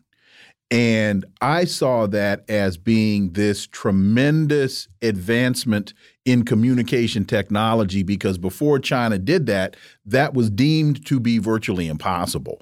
And I could only see China doing that and the uh, the domestic implications of of that advancement would would would just would be mind blowing. That and there's a paragraph in George's piece Huawei's action did have something to do with Raimondo's visit. The company apparently moved up the unveiling of their phone to coincide with her visit. To many of China's netizens, it was Huawei's way of calling her and the Biden administration's attention to the fact that no obstruction imposed by the U.S. will keep Huawei down. KJ. Absolutely correct. Yes, they did pull. Uh, they did move it up. They launched. They you know did it without any publicity. The phone has sold out you know, there are millions of orders that have gone in that they cannot fulfill. It's it's that popular. And of course, it's popular because it is that good. But, you know, once again, coming back to this notion of technology and technological moonshots, currently the best scientists and the best scientific papers are all coming out of China. Uh, the U.S. Uh, just recently, uh, a group of U.S scientists just recently wrote the United States government and said, you cannot lock China out. You cannot lock China out of uh, the research ecosystem because if that happens, we will lose because we depend on Chinese research to stay current with what is happening, you know, on the frontier. And so, once again, completely misguided, completely misread, complete misreading, and this exceptionalist ideology that blinds them to what is actually happening uh, on the ground and in reality. AP reports China's Xi will skip G20 summit in India during a period of soured bilateral relations. That's a very important article. We know that um, uh, President Putin's not going. Seems to me that uh, to them, what's important is BRICS and building a multilateral, uh, I mean, a multipolar world. And uh, they're just uh, G20. Eh, who needs that? well, it's also reported this morning that Joe Biden has been diagnosed with COVID and that Joe is testing negative now, but they're they're leaving the window open that if his health starts to wane, he might not go. And I, I kind of think both of them might not have went because they wouldn't want to run into him. KJ. Yes, I think I think you're right. I, I don't think they're going. Xi has no real reason to go. As you point out, it's the BRICS, the BRICS Plus, the SCO, all of the global South uh, institutions that really matter and the G20, which is just the you know an appendage is really starting to become uh, much, much less important. And I think this is simply more validation of that. And talk about the because there are those who have who are trying to attribute Xi's not going to the G20 because it's in India, and uh, um, which may not because we know that uh, the the relation the conversations had been moving in the right direction in that at least they're speaking to each other. So it's not it's not nearly as much as that slight as it is the, the whole concept of the G20 overall. Yeah i think it's the G20 itself. I think that uh, they're trying to make a big deal out of this but frankly i think the relationships are moving in the right direction certainly at BRICS the relationships seem to be fine it will continue to improve. I think the relationships regarding the borders will also improve. And I think this is just, uh, you know, wishful thinking, Schadenfreude that the Western media is trying to throw some kind of shade on anything, anything uh, that China might be doing uh, incorrectly. South Korea's intelligence services believe that Russia, China, and North Korea are preparing to conduct joint military drills these three countries have all complained about American war games near their borders. Got about two minutes, KJ. Yes. Well, uh, I mean, this is to be expected, right? Uh, Japan, U.S., uh, uh, South Korea are coordinating. They essentially created a little mini NATO. This makes China very unhappy. It also makes Russia very unhappy. South Korea has been sending arms, uh, missiles, sorry, shells to the Ukraine, although it's pretending that it doesn't. All of these things are factors that are being balanced out by this action. That is to say, Russia is coordinating more closely with uh, Pyongyang, uh, and they are going to be doing uh, drills together. I mean, just very briefly, uh, you know, the Russia and North Korea have been tightening their relations since uh, the last year. Uh, according to Russian media, uh, uh you know, North Korea offered to send 100,000 troops to the Donbass. Uh, and so I think that gives you a sense of, you know, where the, you know, chips are being put down. And so I think this is just more example of the way in which multipolarity and multilateralism is counterbalancing against these U.S. agglomerations of power. And I think these are significant moves by Russia, by North Korea, certainly North Korea will benefit uh, in its uh, trade and relations with North uh, with Russia, and I think these are big moves that are happening right now. Just 30 seconds. The the reporting that uh, Kim Jong Un is supposed to be getting in his armored train and taking a trip, I believe, to Moscow. Yeah, there's no confirmation of that. This is New York Times, uh, you know, just kind mm -hmm. of uh, making stuff up. But we'll see. Okay. But it doesn't matter. The trend of uh, tightening relations is already happening. They don't need to visit uh, each other to continue on this uh, line of, um, uh, of, of strategy. KJ Noh, as always, thank you so much for your time. Greatly, greatly appreciate that analysis, and we look forward to having you back. Thank you. Always a pleasure. Folks, you're listening to the Critical Hour on Radio Sputnik. I'm Wilmer Leon. I'm joined here by my co host, Garland Nixon. There's more on the other side. Stay tuned.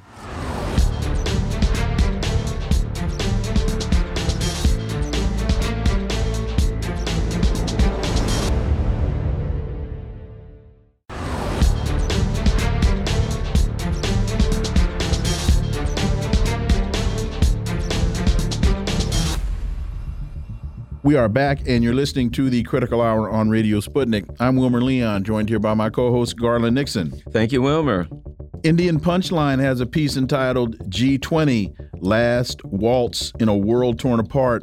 The Modi government is not perplexed by the absence of Russian President Vladimir Putin and Chinese President Xi Jinping in the G20 summit on September 9th and 10th. Its intuitive cognition helps to be stoical. This is arguably a Shakespearean predicament. I am in blood, stepped in so far that should I wade no more, returning were as tedious as go or. What signals does this send? For insight, we turn to our next guest. He's an independent journalist, political analyst, and reporter for RT, Caleb Maupin. As always, Caleb, welcome back. Sure. Glad to be here as always. So that uh, that Shakespeare reference is basically I'm in so far I might as well keep going. Turning around is no option. So Chinese President Xi Jinping was with Foreign Minister Wang Yi and Russian uh, Foreign Minister Lavrov at the BRICS summit in Johannesburg. And we have reports now that Joe Biden has tested positive for COVID. So there's a question about the president's health that could impact his attendance, that being Biden, his attendance. So you got no Xi, you got no Putin, and possibly, depending on his health, no Biden. The G20 isn't all it's cracked up to be. Caleb Maupin. Indeed. I mean, and we can put the circumstances surrounding Biden's uh, COVID test, we can put that aside uh, and indicate that the efforts by the United States to polarize the world and demand that all of its allies dramatically isolate Russia and to some degree or other uh, cooperate with their efforts to isolate China have blown up in their face. Uh, at this point, many countries around the world, as we saw at the BRICS summit, are saying, mm, no, I don't think we'll go with that. And it has resulted in them getting further away from the United States rather than getting further away from Russia and China. And I think we can interpret the upcoming G20 that may be a lot less than people would normally expect from such a gathering in that context. Yeah, and, and um, in in looking at this, um, it certainly appears that the Blinken uh, Biden led foreign policy machine is flummoxed. I mean, they send the commerce secretary to China. China takes advantage of it to unveil their new technology with the cell phone. It seems that every foreign policy they move that they make, it seems like the Russian Chinas have a, you know, I'm not saying that they one up them, but they always seem to have some kind of a counter move that is at least effective. Caleb. Well, they've built a whole network around the world of countries that are willing to trade with them. They've invested in infrastructure. Uh, they've invested in civil society and other things that are vitally important to developing countries. Meanwhile, trade with the United States or with the Bretton Woods institutions, the IMF and the World Bank, generally results in gutting one's public sector, uh, opening oneself up to the complete monopolization by American corporations. We all can recall the fact that Mexico, you know, they've been growing their own food since long before Christopher Columbus came. But as a result of NAFTA, now Mexico imports most of its food from the United States. The Mexican farming industry uh, is pretty much history as a result of uh, becoming, uh, you know, a client state of the United States. And the same can be said for Haiti. There's been Haitian farmers for a long time, but now Haiti is importing its food from the United States. And the people are starving and rioting in the streets. And the results of being a captive market of Western capitalism and imperialism uh, have revealed themselves in country after country after country.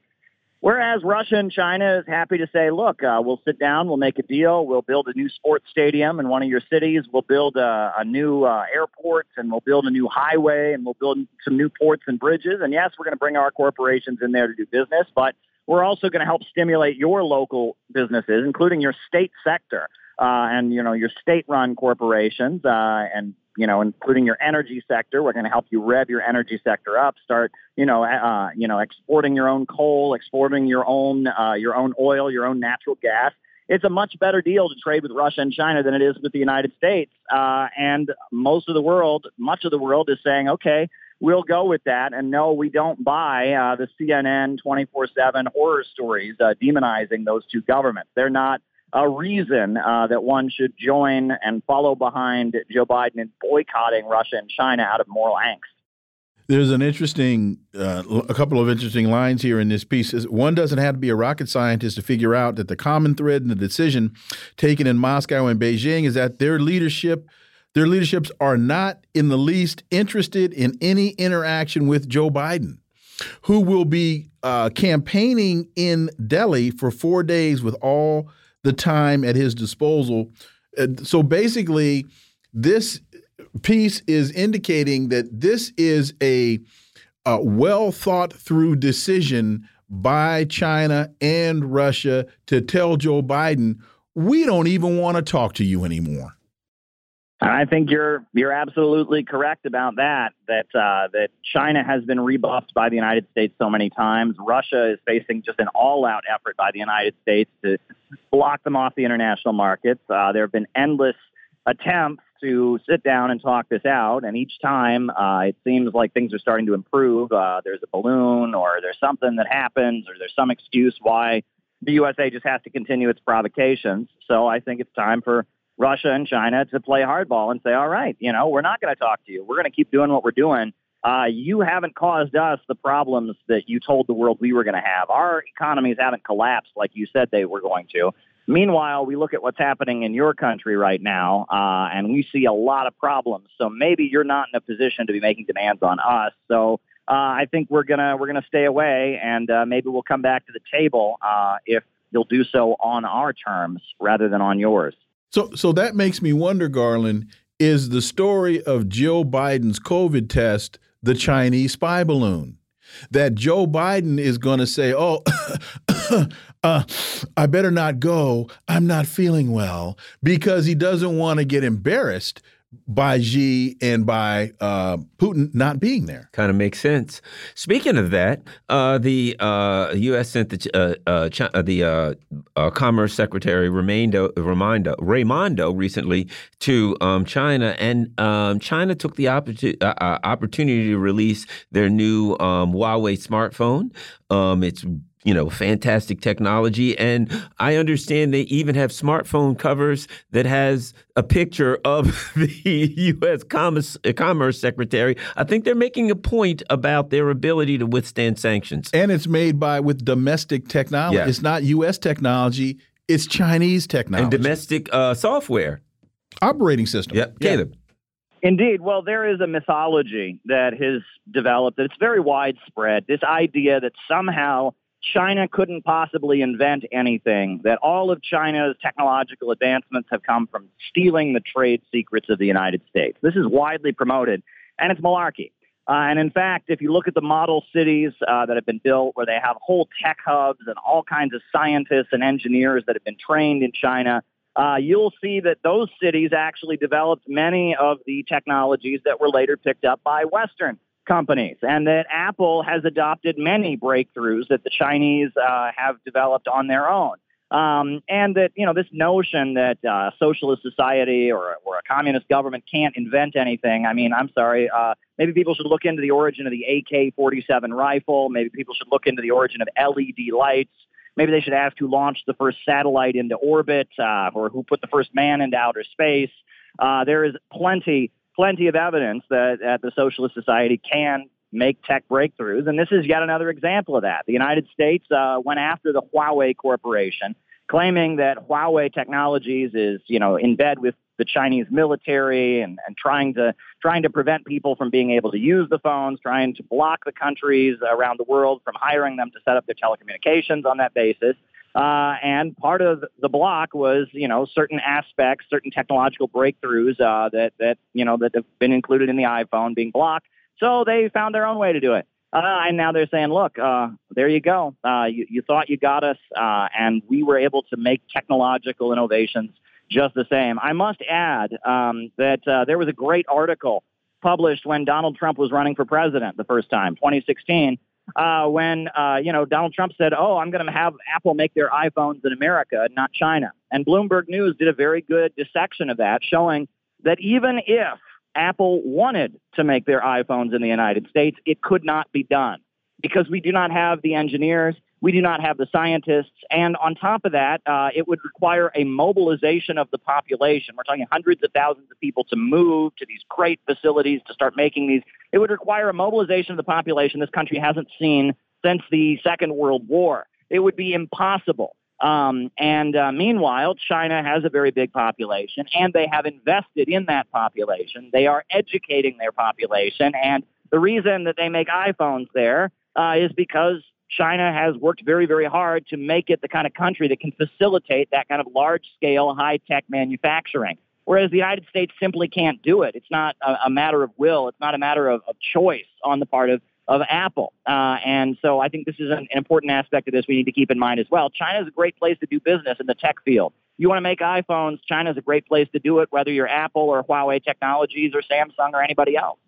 So, Caleb, li listening to what you just laid out, it, it just comes to my mind that while China is fighting technology wars and while China is developing products, the United States is hung up in fighting social wars. We're trying to figure out in Florida whether or not African American history can be taught on an AP exam and and whether or not LGBTQ issues should be addressed or mentioned to fifth graders. Uh, I'm not sure which one's going to get you further in the world, in the developing world of, of technology, Caleb Maupin.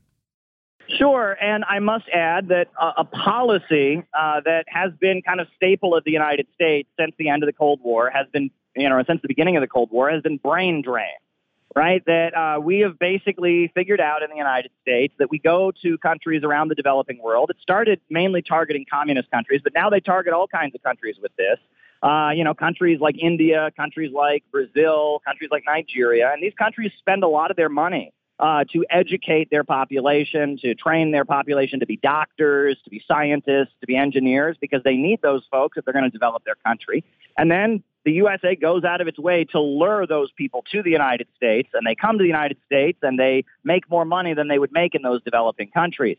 Um, and uh, they do this, uh, and this policy of brain drain comes at the expense of the American educational system. The American educational system has gotten worse and worse and worse, but that's okay because we can import all the doctors we need from India or Africa or, or the former Soviet Union or someplace like that. So the education that, that Americans get gets worse, plus these developing countries get stripped of the human capital that they need for development. Brain drain is a lose-lose policy. Um, however, uh, the countries around the world that are trying to break free from Western capitalism have had to work very, very hard uh, to win the loyalty of their educated populations. You look at these youth festivals that Vladimir Putin puts on. It's for the high achieving youth, the kids with the highest math scores, the highest science scores. And it says to them, stay in Russia, use your skill, use your energy, use your talent to, to make Russia a stronger country. And the Chinese have a similar policy, pushing back against brain drain.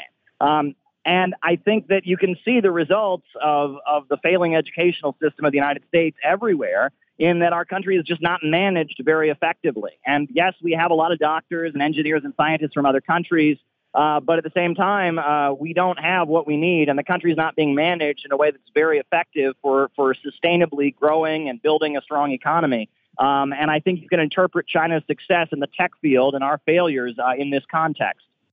Caleb Maupin, as always, thank you so much for your time. Greatly, greatly appreciate that analysis, and we look forward to having you back. Sure thing. Always a pleasure. Folks, you're listening to the Critical Hour on Radio Sputnik. I'm Wilmer Leon. I'm joined here by my co host, Garland Nixon. There's more on the other side. Stay tuned.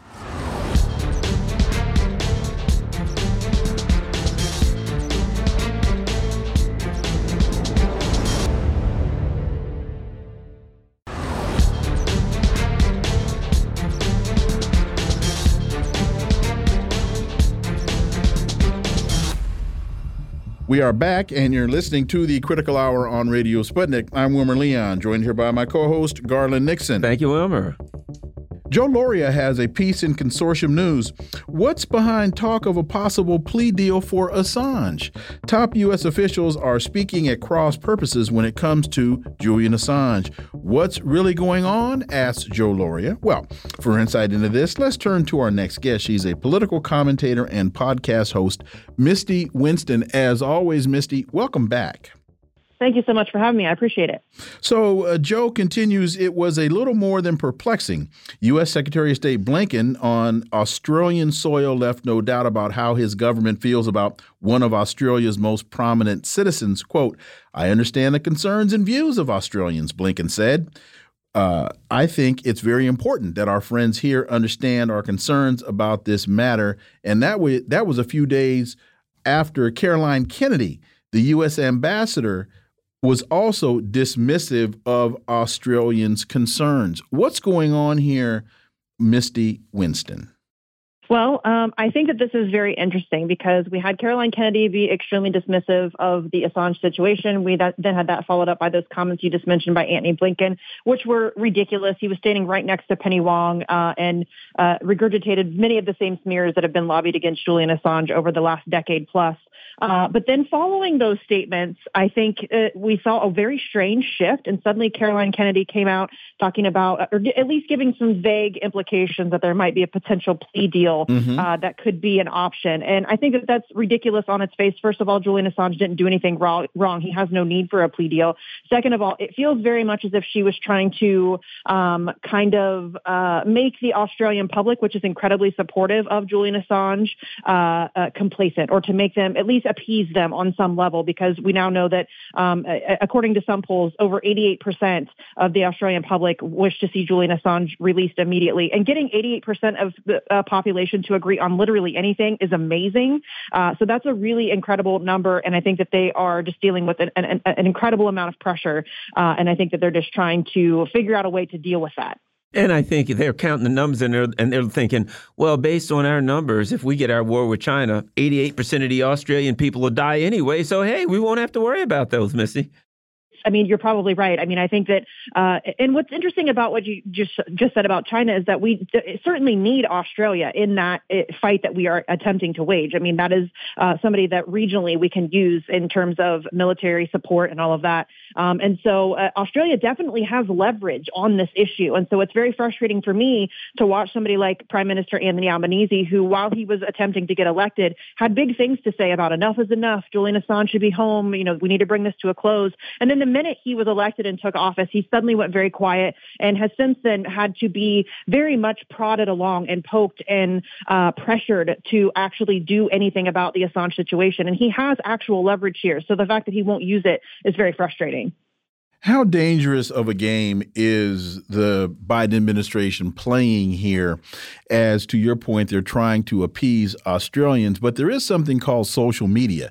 There is something called the internet. So as soon as uh, as as as Blinken or Caroline Kennedy makes these uh, milk toast wishy washy kinds of statements, trying to appease the Australians, it gets around the world before they're done saying it. How dangerous of a game are they playing here?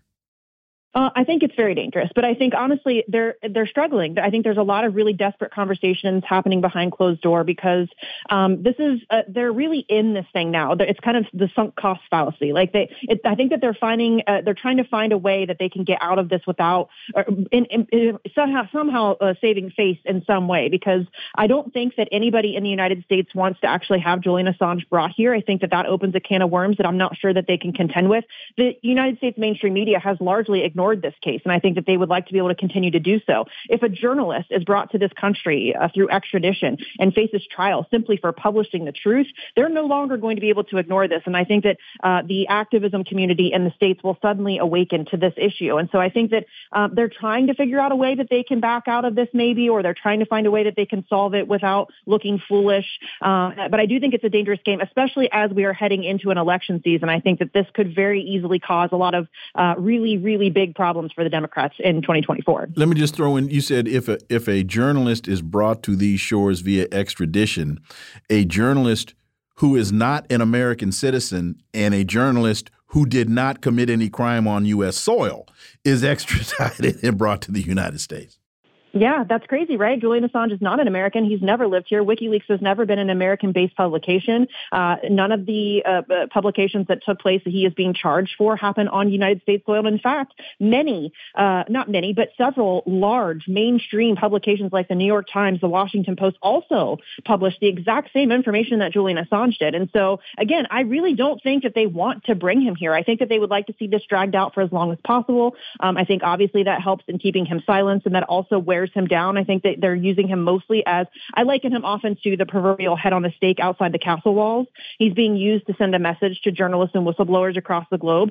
Uh, and I think they'd like to continue doing that for as long as they can. But I really don't think that they are prepared to contend with uh, what will, what again, the can of worms that will be opened if they actually do bring him to the United States. And there's another one that part of this that we don't discuss about. Certainly, our concern with Julian for Julian Assange should be first and foremost. But add this they don't want to have the conversation about the things that he revealed. To bring Julian Assange here means that people are going to start having a broad conversation about Julian Assange. It will bring back the discussion about Vault 7. It will bring back the discussion about the uh, uh, the crimes in the uh, war, the crimes of the U.S. empire. To bring Julian Assange here, particularly during an election season, risks opening a discussion, a Pandora's box discussion about the crimes of U.S. empire at a time when they're pushing war, war all over the world, man, the neocons, this would be the worst thing that could possibly happen to them. And again, as they usually do, they would have brought it on themselves, Misty. Yeah, no, I, you're absolutely right. And I'm so glad that you brought that up because so often in this conversation, uh, that gets very lost. The actual, re, the, the, actual revelations, the leaks, what was revealed in that information, none of that really ever gets talked about anymore. The conversation has been relegated to just Julian Assange and his struggle. Which, I mean, listen, we should be talking about that. But for, I mean, for uh, that stuff has been out now for years, and nobody has ever been held accountable. Tony Blair and George W. Bush get to go around and hang out on talk shows, and Tony Blair gets to hang out on the BBC and give his take on the latest in geopolitics, and George W. Bush gets to make his paintings and go dance on Ellen. They're war criminals, and they're revealed to. I mean, there, there is, a, you know, absolutely unequivocal evidence to support the idea that they are war criminals who lied us all into an illegal war, and they have faced zero accountability for that. And in fact, the only two people who have ever been held accountable are the whistleblower and the guy that published the uh, the information. So you're absolutely right. I think that they do not want to open again that Pandora's box, that conversation where suddenly a lot of people who maybe don't know who Julian Assange is or maybe don't know much about him are going to start asking questions and wondering exactly why they're going to so much effort to silence this guy. And I think that that is going to open things up uh, to such a broader conversation about so many of the things that he revealed, not just about the wars or Vault 7, but so many of the other things that uh, very rarely get talked about. And frankly, I would love to see that conversation happen. I just don't think that they want it. Switching gears, the Wall Street Journal Biden's age, economic worries, and danger reelection in 2024, according to a Wall Street Journal poll. Biden is tied with Trump in a potential rematch of the 2020 election, each holding 46% support in a head to head test. Misty, when you look at Biden's approval rating, he's upside down in approval rating. When you look at is the country heading in the right direction, he's upside down as an incumbent, and he's tied at 46 points with Donald Trump. That's not a good position to be in, Misty Winston. No, it's definitely not. And it's fascinating that he is in that position, given the fact that Donald Trump is facing numerous indictments, uh, which, you know, should, you know, at least cause some damage to his campaign. In fact, it seems to be helping his campaign. Uh, and I think that this is something that, again, I think there's a lot of frantic conversations happening about this as well behind closed doors. I think the Democrats realize that he is hugely unpopular, as is Kamala Harris. Uh, and I don't think they really know what to do. And we are starting to see this uh, trickle of information or the, this trickle of, uh, you know, uh, rumors and rumblings coming out where even uh, his biographer, Franklin Foer, is uh, coming out saying that he would not be surprised if Biden dropped out uh, before the end of the year. So I think that it is very likely that Joe Biden is not going to be the nominee. That's my opinion. I think it would be uh, silly for them to attempt to run him. He will absolutely lose to Donald Trump, in my opinion. Uh, but we'll see. I mean, uh, Democrats aren't known for always doing what's politically advantageous for themselves. They're known for shooting themselves in the foot. So we'll see. But I think it's definitely interesting that Joe Biden is struggling so hard in the polls right now.